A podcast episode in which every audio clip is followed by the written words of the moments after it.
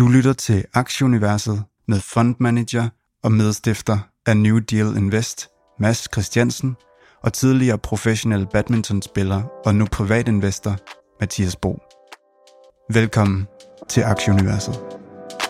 We are living through an era of unprecedented change to our society as well as our economy. Make no mistake about it. Growth is not just a financial issue, it is a strategic issue. I don't think a lot of people really realize that that's that's kind of how GameStop really kind of started rolling over. Was that just really bad foresight into uh, into how to how to create uh, additional revenue outside their gaming platform.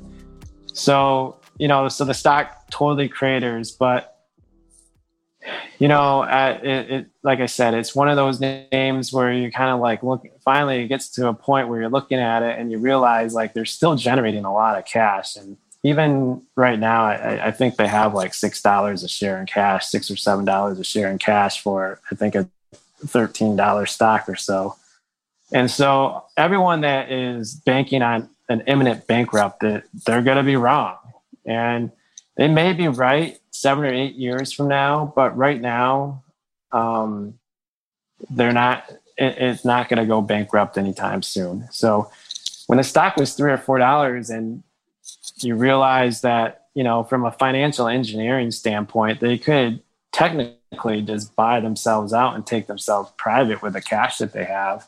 Uh, you know, you start realizing, well, I mean, in a liquidation, how much would I get? And I was always like, well, the stock's at 350, the stock's at four, you know, maybe you get like seven or eight dollars in a liquidation. So it just became kind of like the play that I like is like, you know, the stock is trading below cash value. Um, and then, you know, I started uh, a few years back. My daughter is, um, is a 12 year old and she loves gaming and she wanted to start going to some of these gaming shows and you know so we started going to these gaming shows and then over the last few years you start seeing like really just these crowds just becoming more and more and more enormous and they're passionate uh, you know their customers uh, can feel that passion um, and you start realizing like there there there is going to be a need at least you know for at least a few more years of that third place so to speak for gamers. And i think so you'll you'll keep you'll keep you'll keep your game uh, game shop stocks so far? Yes i'm, I'm still on gamestop. Um, you know it's had quite the the ride here and they're doing everything right now that they needed to do. Um, and and the the announcement that they made a couple weeks ago with Microsoft and kind of you know taking their supply chain and and their their inventory and be able to be more customer centric and uh, the revenue share that they're going to get by selling uh, the Xbox All Access. Uh, I think that's definitely uh, whether it, it, turns out to be uh, a big as big of an earnings uh, gain as you know the stock is certainly showing right now. We don't. I don't know because they haven't really. Neither company has really said like exactly you know what is what does that revenue look like. But uh, people have said that they've talked to management and said there's going to be some downstream revenue for them, so they're going to get a piece of uh, of being uh, being that uh, middleman to get people onto the Xbox system, uh, and then further transactions that they make down the line. So I think the big signal there, though, is is that they understand that the future is going towards digital, and they're going to start um, closing deals with some of these companies to uh, to find new revenue. Um, but the biggest thing I see about GameStop is is I think like there there is a place for GameStop, and there's a place where people want to meet. And as soon as I close the Microsoft stores, and maybe suburban Seattle is a little bit unique. I mean, Microsoft is in our backyard, Nintendo's in our backyard. Uh, we we have a, a, strong gaming culture here, but you can see at the Microsoft store when they held these esports events. I mean, the kids would just jam pack the Microsoft store.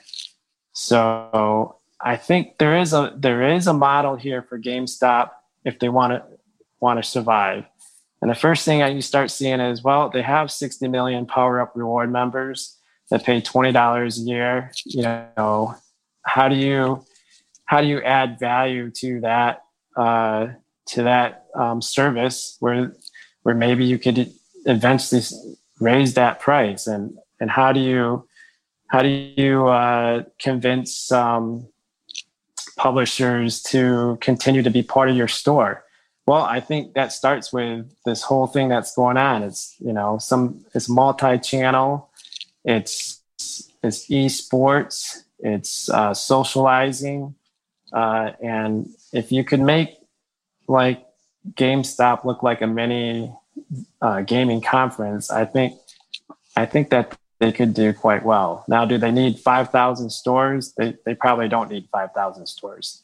Um, hmm. But I but I think that they've they've making a couple of steps in the right direction. And one is they did add uh, Reggie Fils-Aimé, who is the former CEO of Nintendo North America, to the board.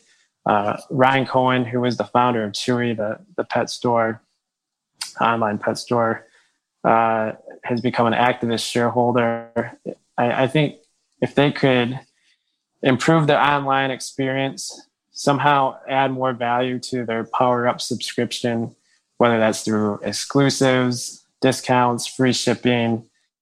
Um, they do some of that right now, uh, but if it was more, uh, if you're thinking in a in a digital gaming world, if they were to um, if they were to add like whatever free different clothing or skins or in-game content to to some of the to some of the uh, exclusive games. Um, you know they they need to sell that whole experience. And i don't think that that's what they've done very well. Uh, and i think i think that if they were to try to sell that whole experience i think they could do quite well.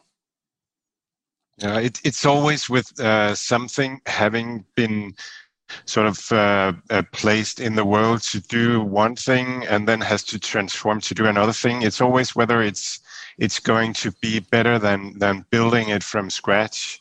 Uh, mm-hmm. I think mm-hmm. that's that's sort of the common thing with a lot of uh, with a lot of this um, uh, digital going physical. That that some of some of the existing physical are not really fit for for that that sort of uh, one channel future but um, but I, I, think at least listening for me listening to this would that would be sort of the key question. But uh, yeah it makes a ton of sense uh, the case that that games needs uh, physical presence uh, for customers to experience and and to I think the publishers will want it too.